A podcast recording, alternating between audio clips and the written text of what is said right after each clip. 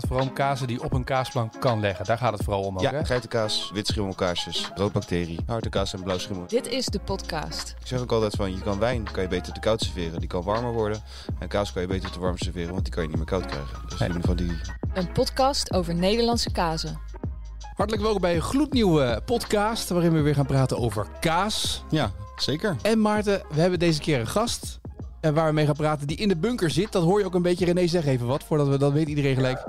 Lekker galmen. Ja. Zuid-Ekermeer. Kaasvoort Amsterdam. Ja, Kaaswoord Amsterdam. Ja. En Maarten, leg even uit, waarom hebben we René uitgenodigd in de podcast? Nou ja, René die ken ik inmiddels een jaar of twaalf denk ik. Eh, ja. zoiets. Toen ik bij eh, FG ben begonnen met eh, werken, toen werkte zo met Begon die Lifestyle samen.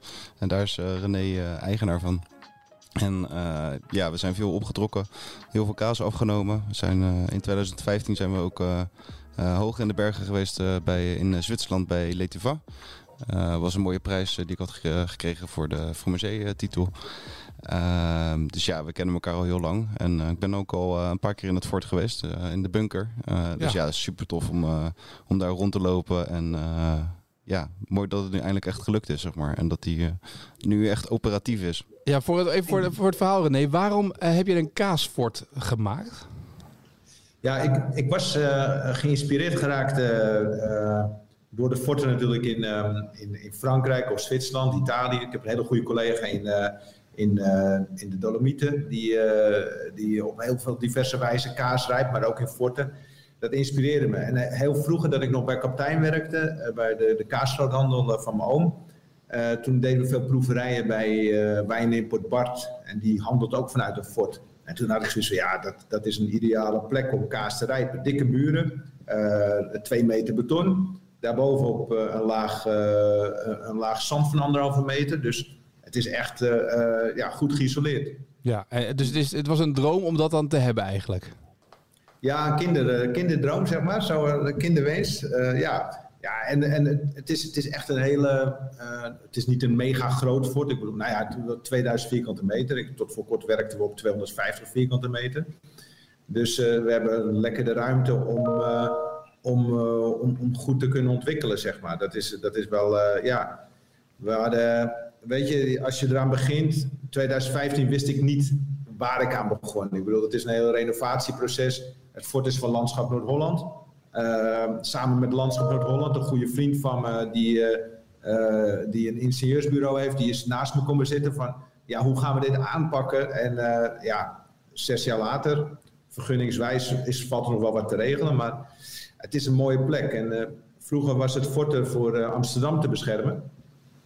En wij zeggen, en, en nu is het fort er om ambachtelijke kaas wereldwijd te beschermen. Dus het krijgt een andere functie. Dus het moet een smeltkroes worden van, uh, van ambachtelijke kaasproducenten die hier over, over, het fort, uh, over de vloer van het fort heen komen om hun ambacht te presenteren, maar ook ons vak hoog te houden. Dus met elkaar, eh, wat we nu via een podcast doen, mensen wakker te schudden van ja, hoe is die ambacht van kaas uh, maken, kaas rijpen, dat moeten we onder de aandacht brengen. Dat is belangrijk, want anders verdwijnt en hebben we straks alleen nog maar de industrie. Ja, dat Ja, zou dat zonde zijn, ja. Ja, dat heb ik al vaker gehoord natuurlijk in eh, andere gesprekken met eh, kaasmakers en eh, ehm, ook wel met andere formagés. Dat Ja. die dat ook altijd zeggen. Hey, René, eventjes terug naar, de, naar het begin. Eh, wanneer is de liefde voor kaas ontstaan? Was je altijd al een kaasliefhebber of niet? Ja, in de wieg. Ja? Ja, mijn opa, ik zit even, ja, het is jammer dat we geen beeld hebben, maar daar hangt een schilderij van mijn opa hier eh, in, in mijn kamer, in mijn kantoortje. Mijn opa die is in de jaren eh, 40 begonnen met het importeren en exporteren van kaas. Eh, Ik heb ook een foto van mijn opa en oma voor de Sacré-Cœur met een vrachtwagentje in de jaren 40. Dus het bedrijf Kaptein bestaat nu 85 jaar, vorige week. En mijn ouders werkten ook altijd binnen het bedrijf. Dus de kinderwagen stond tussen, tussen de kazen. En dat ik groot genoeg was, mocht ik eh eh, eethammetjes keren, eh, eh, de vijf kilootjes keren, wassen, hè, dus met azijn en water, plastieken. Ja, en op een gegeven moment ben je dat spuugzat. Dan ben je echt spuugzat, want dan zie je rijen met kazen en dan denk je, wat doe ik hier in godsnaam? Dus ik denk, ik ga een vak leren. Dus ik heb net als Maarten, eh, ook, ben ik ook de horecakant uit gegaan. Ik heb hotelschool gedaan. Nou ja, de- en eh, daar heb ik wel heel even in gewerkt, maar eh, uiteindelijk toch weer teruggekomen in het familiebedrijf. Maar, maar had, je, had je een liefde voor kaas ook? Had je ook graag kaas? Je kan natuurlijk wel, de de kinderwagen kan er staan, maar dan moet je er wel lusten. Ja, maar nou goed, weet je, het broodje kaas, dat was er altijd wel. En dat puntje brie, nou, toen de tijd, ik bedoel, kapitein is vrij industrieel. Maar eh, met Bourgondisch Lifestyle en Kaas voor Amsterdam willen we echt met rauwmelkse kazen werken. Dus vroeger had je dat puntje Brie President. Daar een beetje mee opgevoed op. Ja. Heel schandalig, maar ananaskaas of gemberkaas. Ja, Ja. walnoten, rambol eh, had je ook al vroeger aan mijn tijd. eh. Of, of, of of zoiets. Nou, mijn god. Ja, maar dat zijn, daarmee begint het wel. Kijk, en op een gegeven moment, ik denk ook dat ieder, eh, ieder mens begint met een stukje eh, neutrale brie te proeven, bijvoorbeeld. En op een gegeven moment is dat vlakke smaak en dan vind je dat niet eh, interessant meer en dan wil je verder. Ja, en dat is dan het moment dat je verder gaat eh, ontwikkelen. En eh, ja, als je eenmaal, als het vlammetje is aangestoken, dan, ja, dan ga je verder zoeken. Heel herkenbaar. Oh ja, hoop, jij lust helemaal geen kaas, man. Schij uit. Nee, tot mijn 20, tot mijn 20 21ste niet. Maar ja, inmiddels eh, eh, lust ik alles en eh, vind ik het... Jij bent ook begonnen met president, president en daarna hup door, hè? Ja, vast ooit wel inderdaad. maar Lekker is, brietje en door, precies. maar ehm, kan je nog een moment herinneren dat je, dat je dus voorbij dat moment ging van die kaas met gember of die kaas met ananas en die brie en dat je dacht, oh, wat hier gebeurt nu met kaas in mijn mond of wat ik hier proef, dat vind ik echt fantastisch. Ja, ik denk wel dat de periode was eh, dat ik, eh, ik denk, eh, even kijken hoor, dus, dus de jaren negentig, dat ik eh, bij mijn oom in de groothandel werkte. Toen was ik in eerste instantie verantwoordelijk voor de verkoop naar Horeca Amsterdam. Nou hadden we een hele mooie marmeren tafel, er staat de helft nog van in onze winkel in Beverwijk. En die was gevuld met allemaal kaasspecialiteiten. En er kwam Wilde Mand van Bordewijk of er kwam... eh, eh, Jean Joël van eh, Christophe toen de tijd nog, die kwam de kaarsjes uitzoeken en dan gingen samen proeven en dan ging je, ja, werd het wel aangewakkerd. En toen die periode dat ik in Parijs heb gewoond en gewerkt, ja, toen, toen is het wel, is die vlam wel heel hard gaan branden. En toen is dat die radar in mijn hoofd gaan werken van, ja, ik wil zelf kaas rijpen. Ik wil straks in Nederland naar de Nederlandse smaak toe gaan rijpen. Oh, dus dat, is, hoe is onze smaak dan? Want je zegt, willen naar de Nederlandse smaak toe rijpen. Is dat anders dan de Franse smaak? Veel verfijnder. nee, maar de Fransman is gewend om vrij heftig te eten. Ik Ja. bedoel, ga- neem een vertriep of eh, neem een, eh, neem een die, die bijna die heel heftig is. De Nederlander, dat zie je ook in de keuken, we zijn van veel, toch best wel van verfijnde smaken. Die heftige smaak hoeft van ons niet. En ik zie dat we nu veel meer verteerbaar werken, zeg maar. Eh, dus, dus eigenlijk zijn we die Fransen wel even een stap voor. Eh, de noordelijke landen, kijk ook naar Denemarken of eh, de Scandinavische landen. Eh, daar zijn we op gastronomisch vlak zijn we ook heel, heel, heel hard bezig. En ik denk dat we veel eh, innoverender werken. Dus, eh, dus ja, de Nederlander was die heftig, die vond kaas heftig, zwaar. En kaas, als kaas heel sterk gerijpt is, is het ook heftig en zwaar. Ja, dan kan je nog een glas port erbij nemen, dan wordt het helemaal zwaar. dus eh, ja, Maar dat is zonde. En ka een kaasboer heeft nooit een, pro- een product gemaakt om je mond uit elkaar te doen laten scheuren. Dus Nee, maar het kaas- Zal het, misschien, zal het misschien ook mee te maken hebben dat eh, Fransen echt vanaf kleins af aan al uit eten gaan? eh, al in de betere restaurants zeg maar, van, eh, van hun dorp of van hun plaats. En dat het in Nederland al wat minder gebeurt? Dat je daardoor Ja, je smaak misschien al eerder wat, wat ontwikkeld is en daardoor naar sterkere smaken toe gaat? Ook, maar ik denk, ik, denk, ik denk ook wel dat zuidelijke landen, hè, dus, eh, die zijn ook wel wat sterkere smaken gewend, eh, eh, denk ik. En, en, ja, dat is misschien ook wel zo. Ja, ik, dus, dus dat is wel. Maar ook de opvoeding, zeker. Maar ja, goed, die, die, is, die is nu in Nederland toch ook best wel. eh, Ja, maar nemen mensen nou op jonge leeftijd bijvoorbeeld een kaasplank? Want in Frankrijk is de kaas natuurlijk al bij het ontbijt of bij de lunch. Heb je al gewoon dat je in de supermarkt houdt een stuk kaas. En dat is niet zeg maar een harde kaas. Nee. Maar dat is vaak al zo'n kaas die wij op een kaasplank leggen, toch? Ja, ja. ja, vroeger haalde ik ook eh, inderdaad haalde ik mijn camembert in Parijs gewoon in de supermarkt. En dan stond ik te knijpen in zo'n camembert. Dat ik de rijpste had en mijn neus erin stoppen.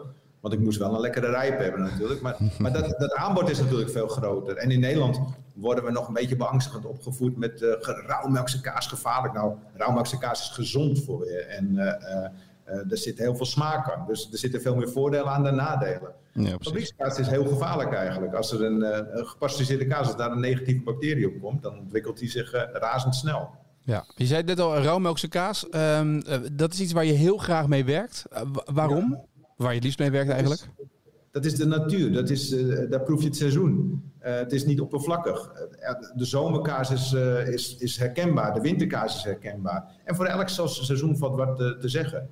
En nu zijn we weer aan het wachten straks voor de meikaas. Dat is toch schitterend? Dat is dus een mooie jonge, meikaas aankomt, die, die, die in je mond smelt als die op je tong legt. Dat, dat, ja, dat is toch prachtig? Ja, de eerste graskazen zijn er al, hè, zag ik. De roodbonter. De, de- sorry?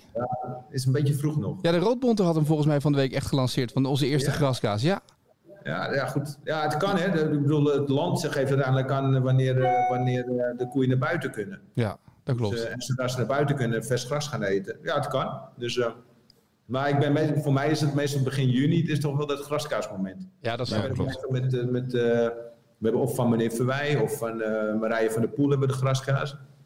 Dus eh, dat, dat is altijd een mooie... ja, die, die, die, die moet even wat langer rijpen. Ja, bij ons komt hij ook pas volgende, week, of, volgende maand. Ja. Ja. De koeien zijn net Ja. anderhalf week of twee weken naar buiten of zo. Dus dat, dat duurt dan nog even. Ja. De, de, tweede, we- ja, de derde week van april zijn ze naar, grotendeels naar buiten gegaan. Ja, Ja. klopt. Dus ja, dat zijn mooie momenten. De rauwmelks is, rauwmelks is mooi. Dat is, dat, en dat moet, kijk, ik denk dat dat eh, aan ons ook is. Hè, en daarom vind ik het leuk dat jullie deze podcast ook, eh, hè, jullie hebben er al meerdere gedaan. Eh, eh, podcast is ook iets moderns. We moeten het op een moderne wijze ook aanpakken. Uiteindelijk moeten we ook eh, het, het, de jongere generatie weer weten te bereiken. Ik bedoel, de, de, de twintigers eh, van nu, of, of, de, of de tieners, die moeten, zich, moeten, moeten ook enthousiast maken voor kaas. Want en- dus, dus je moet ook mee met je tijd. Je moet het ook eh, weten, weten te, neer te zetten. Ja, voor mij is het van groot belang dat, ik, dat, ik, dat, dat de winkels ook eh, aantrekkelijk blijven, ook voor de, voor de jeugd. En dat is wel het leuke, dat, eh, dat nu met de coronacrisis, het voordeel daarvan is dat mensen meer tijd hebben. Dus je ziet die millennials, zie je nu bijvoorbeeld in de winkels komen, dat zeggen, hé, hey, is eigenlijk, hè, die waren gewend convenience, even snel naar de supermarkt. En nu eh, komen ze uiteindelijk weer bij de specialist en zeggen, hé, hey, dat is eigenlijk veel lekkerder dan wat ik normaal gesproken haal. Neem de tijd om eens een keer een goed product te halen. Of het nou om vlees gaat of om kaas, eh, of om een goede wijn. Duik er dieper in en zie dat er diepgang in zit. Er worden zulke mooie producten gemaakt. Maar je moet de tijd nemen om het tot je te laten komen. En dat vond ik in de periode dat bijvoorbeeld Maarten in de, in de restaurants nog werkte. Het verhaal wat je in een restaurant kan vertellen, daar hebben de mensen de tijd voor om het verhaal te horen. En van daaruit uiteindelijk weer het verhaal verder te brengen. In een winkel komen, de mensen vaak even snel binnen. Gehaast, gehaast, gehaast. Behalve op vrijdag, zaterdag hebben ze wat meer tijd. Dan moet je de verhalen vertellen. Die verhalen moeten verteld worden. Ja. Eh, Kaasverhaal. Ja, nee, neem, ons, neem ons eens mee in, in jouw eh, dagelijkse routine dan. Want je hebt een Ford, 2000 vierkante meter, zei je net al. Dat is al verschil waar kaas eh, langzaam ligt te rijpen. Want jij, jij verkoopt pas de kaas op het moment dat het gerijpt is. hè? Je koopt soms ook wel jong in, zodat je het op het juiste moment kan... Ja, dus we kopen zo direct mogelijk bij de boer in. Bij de boer in. in. Eh, en dan, eh, eh, dan komt het hier binnen. En dan gaan we het onderverdelen in verschillende kamers. Eh, nou, we zijn nu met een team van, ik denk dat we nu langzamerhand met 30 man zijn. Eh, waaronder dan de, de winkels, eh, de twee winkels bij Wijk Amsterdam. Maar op, op het fort werken we met z'n tienen, denk ik zo'n beetje. Dus dan komen die kaarsen binnen en worden ze onderverdeeld in negen verschillende kamers. Ja, en mijn routine in de dag, hè, als ik binnenkom, dan zeg ik niet het team eerst gedag, maar dan zeg ik de kazen gedag. Ik loop eerst langs die rijpingsruimtes. Dat is, eh, dat Wat zeg je dan? Wat zeg je dan? Goedemorgen allemaal. En dan wacht je op antwoord. Op wat? Maar de afgelopen weken, ik bedoel, ik ben nu een kleine maand verhuisd. Dat waren voor mij echt stressweken, want ik wilde dat die, ja, de, de angst dat de kaas niet goed terechtkomt of zo. Dus het was elke ochtend was het checken. Eh, hoe is de luchtvochtigheid? Hoe is de temperatuur? Hoe reageren de kazen? Eh, je ruikt, je, je kijkt, je voelt, je gebruikt al je zintuigen. En dan, ja, goed, en dan heb ik de rijpingskamers gehad en dan word ik wat rustiger. En dan kan ik beter met het, eh, met het team, eh, bij het, de, de, de goedemorgen team. Nou, en dan, eh, en dan zijn gewoon je kinderen eigenlijk dus, René. Wat zeg je? Het zijn dus gewoon eigenlijk je kinderen. Je kindjes. nou Ja, goed, ja, je koestert ze wel. Ja. Dat vind ik ook. Ik bedoel, het valt niet. de natuur valt niet altijd te sturen. Dus een kaas reageert elke keer anders. Dus ook het, met het team erover praten. Hoe reageert een kaas? Continu monitoren. Dat is echt belangrijk. Je kan niet zeggen van ik zet die kamer op 85% luchtvochtigheid. Ik zet die temperatuur zo hoog en over een week is die klaar. Het is elke keer weer anders. En vandaar dat het ook continu spelen is met, eh, ook met de verkoop. Hè. De verkoop moet goed aangesloten zijn op, op, op, op, op de, de, de inkoop en de, en de affineur. Want uiteindelijk, eh, het, als het product rijp is, moet het verkocht worden. Dus het is, het is wel een heel leuk spel. Wat, eh, ja, en dus ik heb me wat meer uit de winkels ontrokken. Zodat ik gewoon de eh, organisatie wat meer input kan geven, zeg maar. Ervoor zorgen dat de kaarsen op, op de juiste wijze gerijpt wordt. En uiteindelijk dan op op de juiste manier bij de consument of bij het restaurant terechtkomen. Maar je zit natuurlijk ook wel een klein verschil in wat jij doet ten opzichte van wat, um, nou ja, als ik het vergelijk met de kaasboer bij het dorp in Berkel, die legt de kazen neer en die wacht tot ze op zijn en ze verkoopt en dan is het klaar, zeg maar. Maar jij zoekt echt het moment, wat is het juiste moment om die kaas te verkopen? Die, die zich gaat ook nog rijpen. En dat doen heel veel kaasspecialisten natuurlijk niet, kaashandelaren. Nee. Ja, het affineren is natuurlijk iets wat, wat in Frankrijk ontstaan is. Hè? Dus, ja. dus, uh, of Frankrijk, Italië. Vroeger had je geen gekoeld transport, dus dan kwam een camembert van Normandie, die werd uh, naar Parijs gebracht. En dan was in Parijs, was de Parijs gewend sterkere kaas te eten als in Normandië. Op een gegeven moment komt de koeltransport. En dan is, uh, toen was uiteindelijk de, de, de camembert kwam rauw aan, zeg maar, nuchter. Dus die Parijzenaar die is gaan kazen rijpen, want die wilde weer die, die smaak van die, van, die, van die camembert hebben. Ja, als je, als je dat dan ziet, ja, in Nederland zijn we dat, waren we dat niet zo gewend.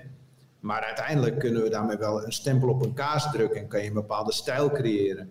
Ja, en dat vind ik, dat vind ik weer het leuke. Net als ja, een beetje misschien mijn horeca-achtergrond, mijn, mijn hotelschoolopleiding, dat je smaken kan creëren. Dus eigenlijk dat, frisse, elegante terugbrengen in een kaas op de manier van rijpen. Maar ook het wassen van kazen met vloeistof, met, met drank, met kruiden, met rozenwater noem maar op. Er zijn zoveel manieren om kaas nog apart neer te zetten. Ja, en, en dan op het juiste moment verkopen. Kijk, een restaurant koopt op een hele andere manier in als een consument. Een consument koopt een product in die vandaag en morgen gaat eten. Dus in de winkels is het aanbod weer net even anders als, uh, als, in de, als voor de restaurants. De restaurants kopen producten waar ze tien dagen mee gaan werken of, uh, of, of, een week. Dus daar moet je ook rekening mee houden dat hij gelijk op smaak is voor een restaurant. Maar dat hij ook nog tien dagen mee kan dat hij niet te sterk wordt, bij wijze van spreken. Ja, ja, want dan gaat hij in en uit de koeling, dus hij krijgt temperatuursverschillen. Dus, dus dat, dat luistert wel nauw. En daar hebben we de afgelopen 15 jaar wel hard voor geknokt om dat te kunnen begrijpen, zeg maar. Ja. Maar wat is dan het ja. verschil? Wat, even voor mijn beeld, hè? Want Maarten, je hebt ook allemaal kazen liggen en je probeert ook dat te affineren enigszins daar waar het kan. Dat je het dus juiste moment het verkoopt. Maar als ik een gewone kaas bij de, wat ik net vertel, bij de kaasboer haal, bij de kaashandel hier in het dorp, die ligt daar dan twee weken, drie weken of wanneer er de, de juiste moment van verkoop. Wat is het grote verschil? Wat ga ik merken als consument daarvan? Uh, ja, wij zijn net wat specialistischer misschien bezig. Uh, dus uh, ja, als, als mensen bijvoorbeeld een camembert willen en die is nog niet rijp genoeg en je hebt ook een zwaluggekwetter liggen, ik noem even een makkelijk voorbeeld, dan zou ik eerder die zwaluggekwetter voorstellen. Je, omdat je de kennis hebt, weet je ook wat voor smaken de kazen hebben en daardoor kan je veel sneller inhaken op iets. Dus als iemand een taleggio wil en je hebt dat niet, kan je daar prima een alternatief voor bedenken. Ja. Wat ook dan weer een beetje in dezelfde prijsklasse zit. Zeg maar. ja. Dus zo op, ja, die manier, ja, ja, Zo, zo, op die manier kan je dan net weer dat verschil maken. En ja, ik weet niet hoe dat, hoe dat bij jouw uh, kaaswinkel zit, maar ja, dat is net even iets anders, zeg maar. Uh, nou, het zit dan... dus ook in het juiste moment verkopen en dat je daarmee dus een kaas ook recht doet misschien wel, hoor ik er bijna ook in wat René net zegt. Want je gaat pas ja. een kaas de deur uit doen op het moment dat hij echt goed smaakt. En als hij te ver is, dan, dan, is, dan verliest hij ook zijn kracht. Dan gaan mensen die kaas ook niet meer kopen de volgende keer. Nee, klopt. Nee. Maar daar, maar dat, daar... Dat is, ik denk dat, dat daar nog een echt enorme slag. Kijk, net zoals een, een Maarten, die, uh, die natuurlijk bij Boy uh, uh, werkt. dan, dan is het dat is specialisme, dat hebben wij ook.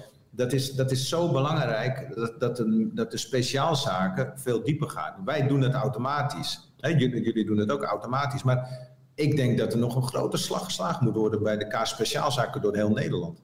En dat is iets wat, wat, wat ik ook straks in het fort gewoon wil huisvesten. Dat je mensen kan trainen uh, voor diepgang. Dat je mensen, mensen wijzer maken. Want we, moeten, we moeten dat geloof verkondigen, dat kaasgeloof.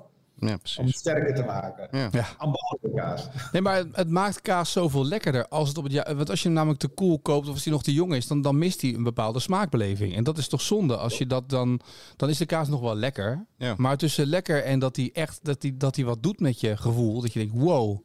Ja, ja, nou ja, wat mensen ook wel eens tegen mij zeggen van als ik een kaas die echt super mooi rijp is, dat, ik, dat mensen dan de glinstering in je ogen zien van oh dat is, die is zo mooi nu. Uh, dat ze het dan eigenlijk al direct al meenemen. Ja. Dat je dan eigenlijk al bijna geen moeite meer voor hoeft te doen. Maar ja, je moet een bepaald plezier uitstralen en een bepaalde passie uitstralen uh, als je de perfecte kaas hebt op dat moment. Ja, dan uh, ook of eventueel laten proeven. In coronatijd is dat lastiger. Maar je kan dat altijd even laten testen van, joh, vind je dit lekker of vind je dat niet lekker? En dan uh, nemen ze het vaak een stuk mee. Ja. En dan komen ze ook Ja, weer terug als het er weer is. En als je het dan niet hebt, dan kan je altijd weer een mooi alternatief aanbieden. Dus je kan mensen ook echt wel een beetje sturen. Eh, mensen willen ook wel de sturing hebben een beetje. Ja, ik, ik denk dat het goed is eh, altijd luisteren naar wat de wens is. Hè, dat wat je net zegt van die Taleggio. Of, eh, het is goed luisteren van wat is dan het smaakpalet wat ze willen. Nou, dan ga je daar een alternatief in zoeken. Ik had vorige week Brie de Melun, die was er niet. Ja, ik had wel hele mooie eh, rijpe of Chatel leggen die bijna wegliep. Nou ja, dan zit je in hetzelfde segment. Vrij zoutig, stroom, ja, echt wel zo'n heftige... Ja, die, die, die, die gast, we hebben het ook nog altijd over gasten, niet over klanten. Die komt terug en die zeggen, wow, nou, geef mij voortaan maar zo'n lekkere rijpe Kun of Chatel. Ja, dat is, dat is leuk. Ja. ja, maar dat is wat ik een beetje bedoel inderdaad. Mee. zoeken naar, ja, zoeken naar, eh, eh, naar, naar de alternatieven, eh, de, luisteren naar de klant. eh, is leuk. En mooie smaakcombinaties eh, presenteren, dus mooie dranken erbij. ja. Denk jij, ontdek jij nog mooie nieuwe Nederlandse kazen, René? We zijn natuurlijk vijf jaar, ja, zijn nog, we zijn vijf jaar geleden zijn we bij je gekomen natuurlijk bij het boek. Eh, toen hebben we ook gesproken over wat je had liggen. Ehm, ontdek je nog, wordt er veel mooi nieuws gemaakt in Nederland? Ja, ik zit, eh, nou ja, er, zijn, er zijn natuurlijk best wel wat ontwikkelingen. En ik denk dat, eh, dat Maarten toen eh, met, jou, met jullie samen dat boek ook eh, gemaakt heeft. Eh, is, dat- is dat uiteindelijk wel, eh, eh, zijn het wel de, de hele mooie vooruitstrevende kaarsen die daar naar voren zijn gekomen. Eh, ik zit even te denken qua nieuwe kaarsjes. Er is wel wat ontwikkeling, maar ik vind dat het nog, het valt mij een beetje tegen de laatste jaren. Er mag meer komen. De Oudwijker was de laatste die echt bij is twee jaar geleden. Echt pas eh, 2018, 2019 is dat echt helemaal opgekomen. En die zijn ook heel snel gekomen. Ja. meer Italiaanse stijl, Ja. zeg maar. Ik zit heel even te denken hoor. Eh, oh, de, de gewetensvraag. even. ja, er zijn wel individuele kaasmakers natuurlijk die wel weer eh, wat nieuws in het assortiment doen. Ja. Denk aan, Ja, denk, denk aan Doetie, denk is- aan, ehm, eh, hoe heet ze? Eh, Christine Wiffler. Christine Ja. Wiffler. Ja, Christine. Maar die had je toch ook in het boek? Ja, Ja, die stond ja, al in het nee, boek. Ja. Christine Ja. wel, ja. ja. Ja. Ja. Maar wat, wat nu bijvoorbeeld leuk is, eh, ik bedoel, is een project waar ik mee bezig ben, is eh Alkmaar Schout. Dat is een eh goud, ja. Ze hebben in Alkmaar nog geen kaas. Alkmaar is een kaasstad Huh? van Nederland. Een van de kaassteden. Maar ze hebben niet hun eigen kaas. Eh, dus eh, er is nu een, groep van eh, een groep enthousiastelingen, ondernemers ook, die samen een kaas aan het ontwikkelen zijn met het ROC in, in Alkmaar. En die, en die kaas die, komt, of die heeft afgelopen jaar al bij ons gerijpt. En dit jaar komt die voor het eerst in het kaasvoort te rijpen. En, maar dan proberen ze juist weer een kaas te ontwikkelen die niet op goudse kaas moet lijken. Want anders wordt het te veel gouda, zeg maar. En ze willen juist Alkmaar uitstralen. Dus een beetje lekker eigenwijs, zeshoekige kaas. Eh, maar dan zijn we ook elke maand zijn we aan het testen qua smaak, qua zuursel wat ze moeten gebruiken. Qua... Het is best een leuk project, dat is wel leuk.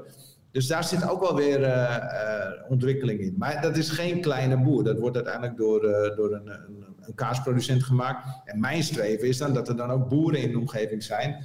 die dan ook die kaas gaan maken, zeg maar.